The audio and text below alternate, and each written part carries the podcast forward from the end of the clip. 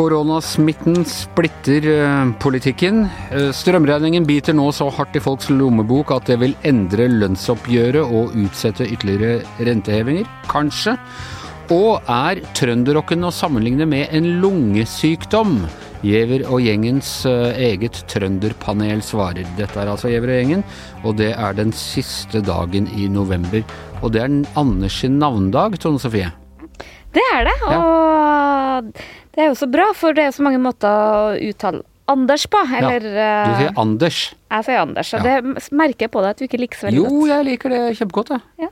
noen, av, noen av mine beste venner sier Anders. Okay. Men det er fordi det er så mye trøndere her på avdelinga. Eh, Sindre, hvordan sier du det? Anders? Anders. Tror jeg, Ja, ja. Det, er sånn jeg, det er sånn jeg har lært Det høres veldig jålete ut, syns jeg. Jålete, det er vanlig, det er vår dialekt. For meg er litt jålete. ja, ja. Skulle jeg begynne å si at trønderdialekta var jålete, da skulle jeg fått høre det. Men vi skal ta den trønderdiskusjonen litt, eh, litt seinere i sendinga. Du har vært på du har vært på Stortinget i dag, og der er det ikke noe borgerfred for tiden, Tone Sofie? Nei, virkelig ikke. I dag har jo Jonas Gahr Støre lagt fram øh, regjeringens øh, øh, koronastrategi, eller redegjort har han vel mer gjort, og kommet med noen nye tiltak. Og det var jo kanskje som forventa, men det mer interessante var litt sånn reaksjonene fra opposisjonen. Det er en litt sånn pussig situasjon nå. Altså, den forrige regjeringen avslutta på en måte pandemien Ja. for eh, kort tid siden, må vi si. Ja. Eh, og nå kritiserer de posisjonen fordi de ikke gjør nok. ja. Det, det, kritikken er litt sånn, etter hvert som vi har blitt kjent med, det er litt sånn eh, for mye, for lite, for seint, for tidlig, uten å sjøl helt konkretisere hva man vil gjøre annerledes. Men det, det veldig interessante å se er jo at det er jo Høyre som virkelig leder an i, i kritikken, eh, med at uh, regjeringa nøler, uh, med at uh, for tillitsbaserte ordninger, eh, med for svake innreiserestriksjoner, og ikke minst det derre trumfkortet deres, da, at de er for svake på kommunikasjon. Ja. Eh, Og det var sånn kritikk de var sånn passe fornøyd med å få selv for eh, ikke så veldig lenge siden. Ja, og det ligner jo veldig på hvordan Arbeiderpartiet kritiserte eh, Erna Solberg nå satt i regjering, men det er jo en veldig forskjellig situasjon. Det er jo en ting at eh, smittesituasjonen og vaksine er helt annerledes, så, men eh, først og fremst er det en helt annen årvåkenhet i befolkninga. Vi husker jo rundt nedstengninga hvordan alle satt hjemme og så på pressekonferanser, og Bent Høie hadde jo nærmest sin egen fanklubb og leste dikt og sånn. I dag så er det jo liksom, det er jo bare det å få oppmerksomheten til folk Det er ikke noe dikt fra Kjerkol. Nei, takk og lov for det, tror jeg. Men, eh, men, men bare det å få oppmerksomhet rundt munnbind i taxi, og, og hvordan er karantenebestemmelsen og sånne ting, jeg tror det er veldig mye vanskeligere nå, da. Ja, og så hadde jeg inntrykk av at uh, Støre maner til ro. Han er liksom uh, Ja. Sier at det er ikke noe grunn til å få panikk, og vi må kunne dra på julebord, og det, det er liksom bare at vi skal være litt uh, opp, så ikke helt glemme sånne vaske hender-regler, liksom. Ja, litt mer enn det, og prøve å argumentere for den der, å finne den balansegangen. Vi, vi kan liksom ikke slippe viruset helt fritt, fordi eh, det er grenser for hva helsevesenet tåler. Og det er ikke bare pga. pandemi, det er eh, høy, høyt sykefravær, det er andre virusinfeksjoner osv. Det, er- det er nok eh, antageligvis eh, lav intensivkapasitet, i hvert fall ut fra dagens behov. Eh, men, eh, men samtidig så ønsker de ikke å nedstenge, ønsker å ha en mest mulig eh, normal eh, hverdag. Men det er, jo, det er jo ikke så lett, det er jo litt sånn dobbeltkommunikasjon. Eh, eh, jeg gjorde noe så sjelden som å være ute på Byen-byen på lørdag, eh, og, og, og observerte at der var det både dansing og Klining. ja, det var, det var i hvert fall eh, litt som gamle dager, bortsett fra at de spilte nymotens tungtungmusikk istedenfor trønderrock. Ja, ja. og, og, og, da blir det liksom litt sånn snålt når det på en måte er den nye hverdagen. Eh, takk og lov for det, vil jeg bare si. Men eh, og liksom sitter du alene i en eh, trikkekupé på vei hjem, så skal du liksom ha på deg munnbind. Så det, jeg tror det er sånn krevende å få liksom forståelse for eh, hvilke tiltak de har valgt. Da. Men er Høyres nå pågåendehet pågåenhet i dette spørsmålet, er det politisk markering? Er det inntrykk av det, eller er, tror du de er genuint øh, redde for at regjeringen er for tafatt? Der tror jeg nok at Høyre er litt eh, delt. Jeg tror nok noen benytter anledningen til en litt fersk og relativt svak regjering på, på det her. De har jo ikke den samme erfaringa, tyngden. Så noen benytter nok anledninga. Jeg tror nok en del av de, de som har jobbet Vi tester dem litt, liksom? Ja, litt. Og, og noen eh, kan jo det her veldig godt, ikke sant? og dette har vi gjort mye bedre av sånn, vil jeg kanskje tippe, da. Eh, og så er det jo mye lokalt uh, ordførere der ute som altfor lite, og vi må gjøre mer, og bla, bla, bla. Sånn vil det alltid være. Uh, men jeg tror også i Høyre at man er delt, at noen er litt sånn herlighet, hva er det vi holder på med nå? Og det kanskje mest interessante i dag var jo å se at opposisjonen er jo på ingen måte samstemt.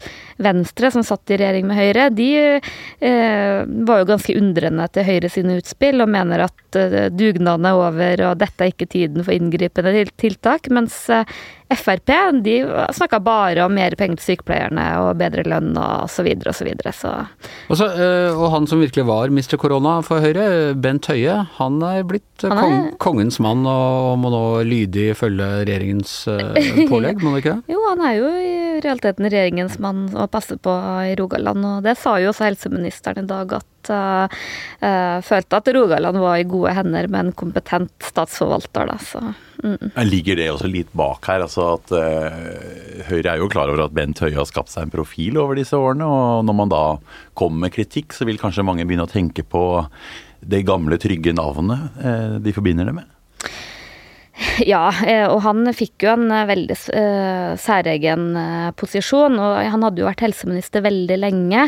Veldig trygg i rollen kunnskapsrik. Og så fikk han den pandemien fra start, ikke sant, fra den tida hvor det, de hadde et veldig stort informasjonsmonopol, men også hvor folk virkelig lytta, satt hjemme andektig og gjør som Bent Høie. Han dro den der om den tapte ungdomstid Absolutt, og sånne ting. Absolutt, og han har jo vært god til å kommunisere, og så er det nok en del der ute, meg sjøl inkludert, som etter hvert syns kanskje det ble litt mye. Han bare sånn uh, Du var litt lei av den koronaprosaen ja, du etter hvert? Ja, men jeg tror nok noen av oss som er, ser alle disse pressekonferansene, når, det blir veldig mye sånn derre moralisering om at uh, det gjør ikke noen ting om julebordene er avlyst, vi kan ha det veldig gøy ute rundt bålpanna og lage en snømann til bestemor og sånne ting. Den type retorikk uh, funker kanskje på noen som sitter der hjemme, og for de av oss som savner savner å gå på byen og sånn. Jeg har fått nok sånn, av leirbål for noen år fremover. Ja, det var, det var, Men har du inntrykk av at, dette, at det de nå presenterte er en strategi som holder mer enn fire dager, eller som holder mer enn ut uka, eller er det en ny strategi neste uke?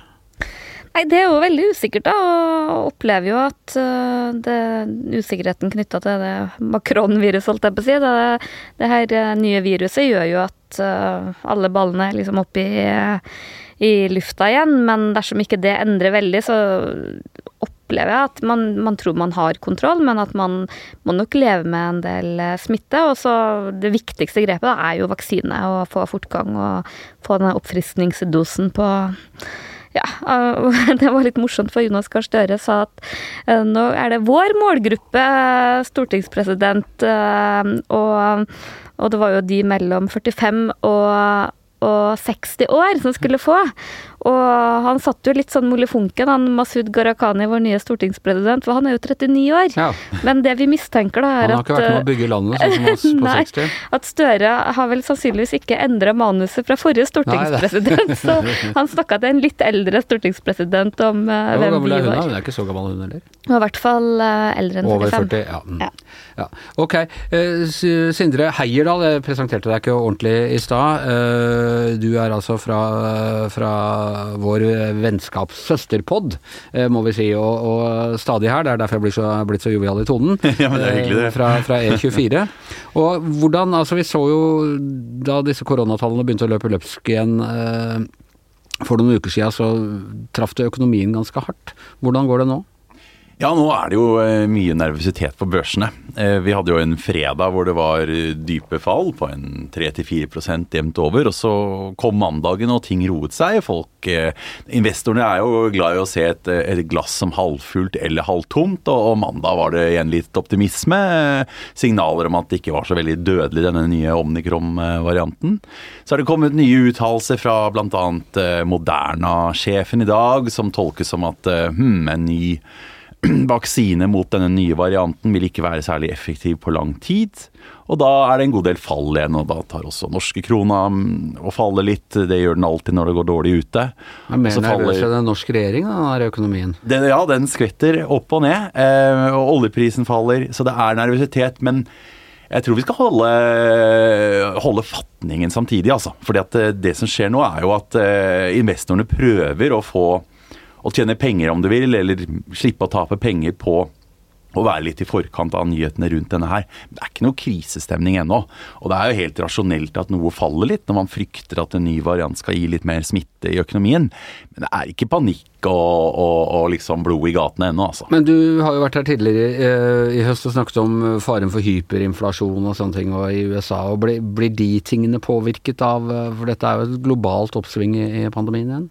Ja, og det, det gjenstår jo å se. Altså, En inflasjon eh, som er høy, det har vi jo virkelig allerede. Med over 6% i USA. Og siden vi snakket, Anders, så har jo også tyskerne dunket opp i godt over 5% inflasjon, som jo er, er eh, Og tysk inflasjon, det vet vi ikke er til å spøke med. Ikke sant? ikke sant? Eh, Men det er en stund til de i Tyskland trenger å ta trillebåren til, til bakeren, heldigvis. Og sentralbankene kan Da stagge snakker vi dette altså her. for, for unge lyttere, vi snakker om på, på 2030-tallet. Da ble hyperinflasjon i Tyskland, og du måtte fylle en trillebår med, med penger for å kunne kjøpe brød. Ja, og løp du ikke fort nok, så fikk du ikke mange brød når For du da kom fram. var eh, trillebåren devaluert i mellomtiden. Nettopp. så nei, så eh, faren for, eh, for hyperinflasjon, den vil jeg ikke si er der. Men faren for at inflasjon blir enda litt høyere, den er absolutt der. Og den, det er uoppgjort fortsatt, hvordan det, det lander. Men omnikron i seg selv er foreløpig for lite til å liksom endre veldig på de regnestykkene. Men vi har en annen faktor som spiller inn både politisk og dermed også på økonomien nå, og det er strømprisene, som da øh, er høyere enn øh, noensinne. Og på morgenmøtet vårt i dag så sa du at de kunne øh, få konsekvenser for lønnsoppgjøret til våren, og at Norges Bank må, kan måtte utsette planlagte rentehevinger. Ja, og det første er mest sikkert. Altså at det vil påvirke lønnsoppgjøret, det kan vi egentlig ta for gitt nå. For vi vet at resten av vinteren blir dyr. Så kan vi være heldige med været, så blir den ikke fullt så dyr. eh, Hvis det blåser litt og ikke blir sprengkaldt. Men uansett, med de skyhøye gassprisene vi har i Europa bl.a., så blir det en veldig dyr vinter. Det kan bli et For forbrukerne. for forbrukerne. Altså en vanlig nordmann må, nordmann må belage seg på ja, iallfall en 4000 i, i eh, måneden til strøm. Det er veldig mye. Og det er såpass mye at eh, vi, vi, vi kan med trygghet nå si at årets eh, lønnsoppgjør ikke var nok til å, til å demre opp for dette. Vi styrer mot det vi kan kalle et reallønnsfall i år på omtrent 0,5% Altså at vi får mindre å rutte med i år enn vi hadde i fjor. Bare pga. strøm? Særlig pga. strøm. Vi har jo også forsyningskrise og sånn, som har bidratt til at inflasjonen stiger litt på andre varer i Norge, og bl.a. sykler og biler er blitt dyrere. Eh, skal du bygge på terrasser, er det blir dyrere, men det er strømmen som virkelig gjør utslaget her. Måned for måned så har strømutgiftene vært mye høyere enn partene i lønnsoppgjøret regnet med. Og når de neste år skal gjøre opp regningen, de begynner med noe så teknokratisk som TBU, altså de skal ha det som heter teknisk beregningsutvalg, som skal se på hvordan gikk det da i 2021. Og da kommer de til å konkludere med at vi bomma på strømprisen. Vi bomma kraftig på strømprisen, og da vil partene i lønnsoppgjøret kreve å bli kompensert for at de fikk mindre å rutte med enn det de hadde forventet seg. Og så vet vi jo også, Tone Sofie, at øh, regjeringen har nå tatt noen av de penga de har fått inn på høye strømregninger og putta tilbake i økonomien igjen for å slippe å ta fra oljefondet. Var det Ja, sånn jeg den, det? den det? ene stød, den andre sprø, det er Ja, ikke ja. noe som heter det? Jo da. Og det var jo noe av det mm, finurlige regjeringa gjorde i sin budsjettenighet som kom i går. Første så har du fått mye mm, både kritikk og en del spørsmål at de valgte å å redusere elavgiften eh, flatt, for det er Ja, fordi det et lite treffsikkert. folk eh, med svømmebasseng og Lite treffsikker. Det betyr veldig lite for eh, de aller fleste, og har liksom ingen insentiv til å spare på strøm. Det, hva er det de sier? Det går til villeiere i distriktene. Men, eh, men det vi også så i går, var jo at eh, man hadde jo fått plass til mange nye, dyre, fine ting. Blant annet alle disse, det de omtaler som usosiale kutt var på plass. Brillestøtte, feriepenger til permitterte, tannhelse, eh, halv, gratis halv dag i SFO osv. osv. Og hvordan har de finansiert det her? Jo, veldig mye med å ta ut uh, uh, mer penger fra overskuddet til Statkraft, som jo skyldes de høye strømprisene. Og det er jo Det ene er jo at det er litt betenkelig uh, hvordan man liksom benytter det, det er noe så, men det andre er jo at det her er jo engangspenger som man finansierer. Ja, det, det kommer ikke år etter år, med mindre strøm... Forhåpentligvis ikke år etter år. fortsetter å være høy, selvfølgelig. Ja, det, vi, ja, så vi får jo håpe at de ikke gjør det, men det, det ser litt sånn rart ut da, og, og når man i hvert fall er så opptatt av at vi skal ikke bruke mer oljepenger og vi skal være ansvarlige, så er jo ikke det en sånn Det å ta overskudd fra et statsselskap og putte det inn i um, økt uh, offentlig forbruk som vil komme igjen og igjen, det er jo ikke uh, Jeg har sett i hvert fall mer ansvarlig inndekning. Ja, dette rister dere på hodet av, dere økonomer, eh, Sindre? ja, og det er jo påfallende nå hvordan det offentlige skuffer inn på de høye strømprisene. Nesten alt vi har av kraftverker her i landet er jo også offentlig eid av stat eller fylke eller kommune. Og så skuffer de inn på momsen på det vi må betale på strømregningen. Bare momsen som det ligger an nå, er jo mer enn nok til å fullfinansiere dette kuttet i elavgiften eh, fra januar av. Så, så, så, eh, så tar de inn så bruker de på brillestøtte? Ja, ja, ja, ikke sant. Og de har jo fått masse mer penger å skalte med, da, mens det er jo vi vanlige forbrukere som da må gå og hutre og fryse i, i huset vårt, og så fylles statskassa opp samtidig. Ja. Uh, er det Hvordan tar opposisjonen dette? Altså Støre var jo ute veldig og kritiserte regjeringa i sin tid for å bruke penger under streken og i det hele tatt. Er dette under streken-penger, eller hvor, hvor uh, bokfører man disse pengene? Jeg har faktisk ikke registrert noe særlig kritikk fra opposisjonen på det her. Eh, men nå drukna jo budsjettenheten ganske mye i korona og, og, de her tiltakene, så det her er vel, det er vel en kritikk som kommer fra økonomene og fra kommentariatet. Ja, ikke sant. Så vi i kommentariatet er veldig glad når vi finner en sånn liten ja. nugget av Noe må vi drive med òg. Ja. Nemlig. Men da skal vi over på en annen sak. For uh, nyansatt redaktør i uh, avisa Nidaros, Stig Jacobsen, si en, en venn av denne, av denne podden, kommer nordfra. Uh, slått seg da ned i Trøndelag.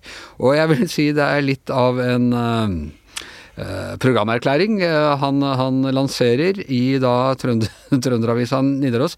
'Trønderrock lungesykdommen fra Namsos', skriver han i uh, gårsdagens utgave. I over 50 år har vi blitt torturert med styggdommen hver gang vi kom i skade for å skru på radioen. Kanskje på tide at noen tar bladet for, uh, fra munnen. Så ramser han opp alt det Trøndelag kan skryte av, fra, fra Petter Wessel Tordenskjold til uh, Liv Ullmann og, og DumDum Boys.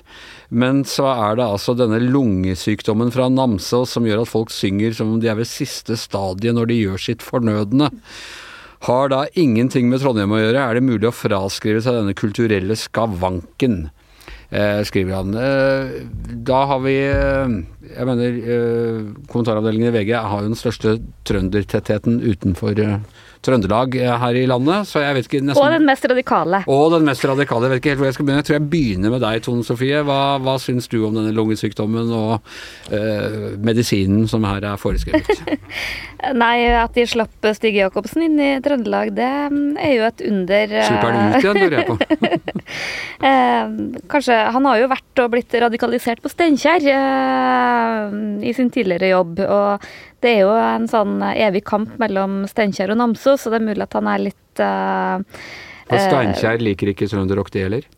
Nei, og, og, de har jo liksom fått passet sitt påskrevet som kontorister fra Steinkjer i oh, ja. en okay. kjent trønderrock-låt ja. av DDE, 'Vinsjene på kaia'. Selvfølgelig. Det er, det er, de som eh, legger ned vinsjene og ja, ikke, det, er noe, det er noe agg der. Men uh, Nei da, det var jo et morsomt Nå er jo, har jo jeg en fortid fra Adresseavisa, og det er ikke første gang diskusjonen om trønderrocken kommer opp. Det er jo en jevnlig foreteelse at den forskyver andre kulturuttrykk og at den uh, tar for lite hensyn til ja, metoo og likestilling. Alt mellom himmel og jord, egentlig. Og at den altså er en lungesykdom fra folk som ligger på ja, siste stadiet av sitt fornødne. Det, jeg er jo veldig glad i trønderrock. Ja, så. Det var det jeg lurte på. Du er, altså, du er uenig med Stig Jacobsen her?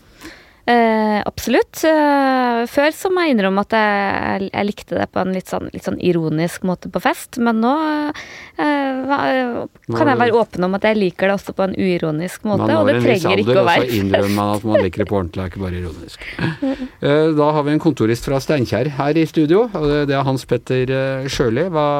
Du er enig med Stig Jacobsen, du? Eh, Det er litt skummelt å si det, men, eh, men eh, nei, jeg er enig, altså. Jeg, har den gang likt trønderrocken på ironisk plan. Jeg har alltid syntes at trønderrock har vært er en eh, musik umusikalsk uh, vås.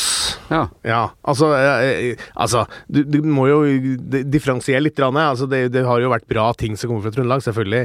Men akkurat den sjangeren som den på en eller annen måte har festa seg som sånn type eh, Tyskland, Åge, Rotmo og eh, han derre Sjand og DDE og sånn. Uh, Sjøl om det er en nivåforskjell også innad i den sjangeren, så er sjangeren som som i seg sjøl syns jeg er helt komplett uh, uinteressant som musikk. Og jeg har egentlig aldri forstått hvorfor det der greiene der står så sterkt, uh, verken der eller andre steder. Jeg syns det er synes det er ompa-rock ompa-rock helt uten sjarm, og, og det er ikke noe Jeg syns ikke det er noe gøy i det hele tatt.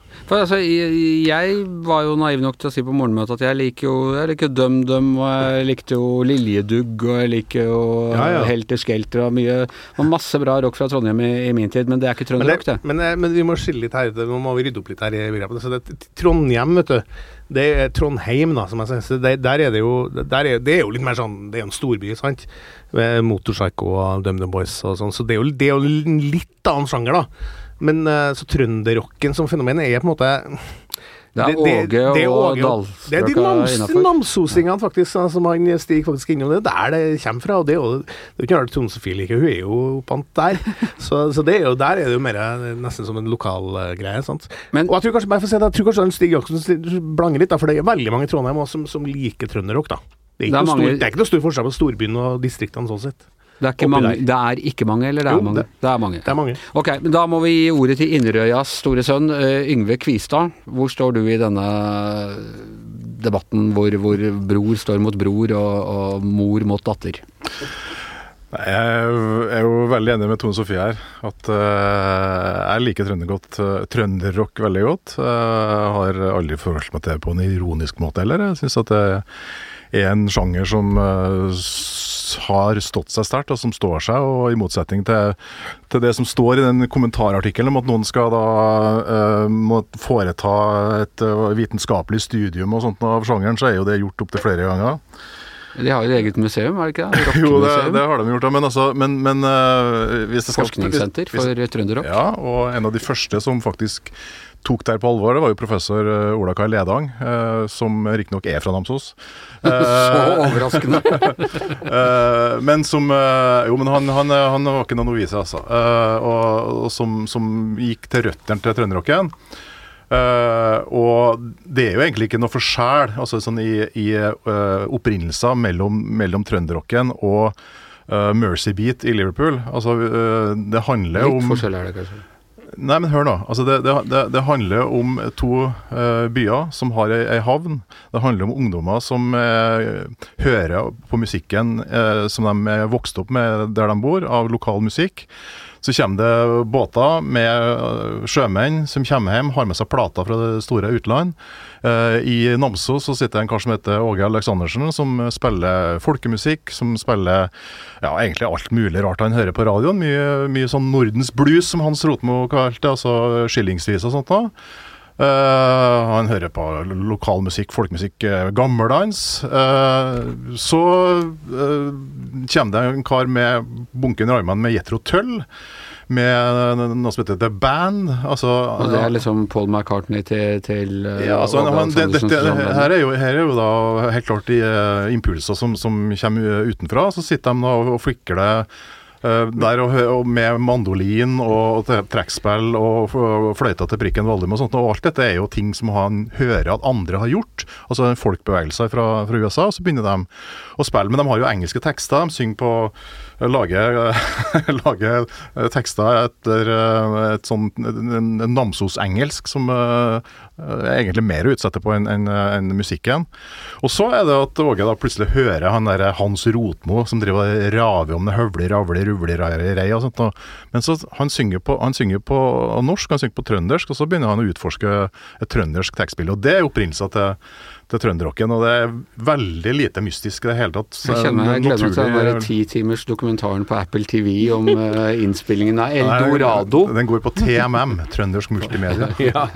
Ja, uh, Nei, men altså, Det er jo en riktig fremstilling her, men, eh, men det er jo ikke noe sånn at Det er jo mer enn er- Yngve med en forklaring på hva det er for noe. Jeg men hvor gikk det feil, da, ifølge Ja, deg? Det gikk Hvorfor feil det ganske tidlig, vil jeg si. Altså, jeg, mener jo at altså, Jeg syns en del av de Prudence-greiene fra 70-tallet er ganske stilige. Det var jo ganske mye sånn prog-elementer og sånn. Ganske litt sånn Absolutt. Litt sånn eh, rytmeendringer og forskjellige taktarter og sånn. Så det var veldig sånn eh, Ja, litt komplisert eh, rock, da. Eh, og jeg mener jo også at av, av de her folkene her, så er det jo Hans Rotmo er på en måte det største talentet. Altså en som han, han, han Det er altså som skrev- ja, som skrev eh, best tekster, egentlig, og, og, og egentlig best melodier. Jeg er jo egentlig mest sånn melodiorientert. Jeg er mer opptatt av musikken enn tekstene, egentlig.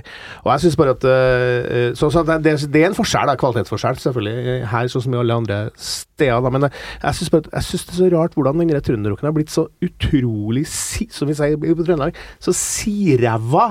Altså, den er så, den er så baktung. Det er så, det er så ompa, det er så lite sexy. Det er så, det er så utrolig sånn Det er folkelig på sånn På en sånn litt sånn uh, Folkelig på sitt verste, da. Ikke sant? At det, liksom, det støter det, det, det har ingen motstand i seg. Det er ingenting med det som er interessant.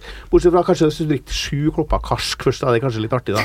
Men ellers mener jeg det er my, my, meste av det, mye av det, særlig det, det, det særlig barna til Åge og, og Rotmo nedover der. De de artistene der. uff. Ja, men forskjell- Forskjellen er jo, er jo, er jo for så vidt tidsånden. ikke sant? For at uh, Åge han, han sloss jo mot ei, ei samtid. Han sloss mot eh, lokalmiljøet. Han sloss mot å nær sagt også bli likt. Mm. Ja, Det de holdt på med i Prudence, de var jo noen langhåra jævla. ikke sant? De ble jo jaga rundt oppi der. Skremte ungene med dem? det, ja, ikke sant, det at alle sammen eh, i ettertid sa at de likte og hadde så stor sjansen for å våge Prudence, det er jo bare tull, for at de, de gjorde jo ikke det. Men, men, men liksom, så det lå et opprør i det, som også ga seg utslag i musikken fra Eike. Jeg jeg syns ikke at den er spesielt sidrumpa, i hvert fall fra, fra den tida der. Men så, men så klart at det, som- det som skjer etter det, og det er jo sånn det skjer jo i popmusikken og rockmusikken ellers, den, blir jo veldig, den er jo veldig medhårs. Og, og det er klart at det gir også så utslag i, eh, i Ja, men når, vi- når, vi av sitter, når vi sitter og ser på Get Back-dokumentaren eh, Ja, med, ja, ja. med Beatles, ikke sant? og det bare, bare slår meg hvor uh, utrolig bra det bandet var. Hvor det rocka, liksom. Hvor det, Ja. hvor det svingte av dem når de satte i gang. Ja. Jeg har aldri hørt en trønderrocklåt som det svinger av. Jeg tror vi må konstatere at uh, partene står, står langt fra hverandre Kan jeg komme denne inn som en sånn ja, da kan du komme og eh, bygge, bygge en bro. Ja. Ja. For uh, jeg er jo veldig uenig i, i Hans Petter, selvfølgelig. Jeg synes det er i overkant grandiost. Litt trøndersk. Jo, jo, jo, jeg kommer til brua og begynner å sammenligne med, med Liverpool og, og Beatles, men jeg syns både Åge og DDE og for så vidt også Terje Tyskland eh, har helt alt fra nesten geniale, veldig gode låter til veldig, veldig dårlige plattelåter. Så jeg syns at eh, også innenfor sjangeren at det er et veldig stort spenn i det veldig platte, og det er veldig, veldig gode. Vi lar det være konklusjonen eh, i Kan eh, ikke bare si én ting, da? Ja, da, ting. da, da vil jeg også si en ting. Ja, men det er veldig kort. Okay, kom I Trøndelag så tror de at uh, Bruce Springsteen er inspirert av Åge Aleksandersen. Ok. Det stemmer faktisk. ja, det stemmer jo faktisk til Hans Petter. Ja, for Men- New men- Jersey men- er Namsos Ja, det- utafor Trondheim. Men det, det, det, er jo- det er et veldig artig eh, band som jeg anbefaler dere å høre på. Det, det, er det er gjengen som heter Hermet i Tyskland. Det, det er en gjeng som han, eh, han, han eh, Frode Sander Øyen har, har laga. De heter altså da Tarjei Tysland, Tore Tysland, Tony Tysland, Trond Tysland, og så er søskenbarnet Truls Tysland. Og de har laga sånne pastisjer på alt fra TNT til, til Vømmøl. Det er ganske gøy, altså. Ok. Tatt jeg har tatt veldig på kornet. Særlig på fest. Ja. Da, med denne lille musikalske oppfordringen, så avslutter vi eh, dagens utgave av eh, Gjevrgjengen. Takk til Sindre Heierdal, takk til Tone Sofie Aglen, takk til Yngve Kvistad, takk til Hans Petter Sjøli. Jeg Og takk An- til Trønderrocken. Takk til Trønderrocken. og jeg heter Anders Giæver, og mannen som sprer lys og varme gjennom å produsere denne eh, fantastiske podkasten, er som vanlig Magne Antonsen fra Rælingen.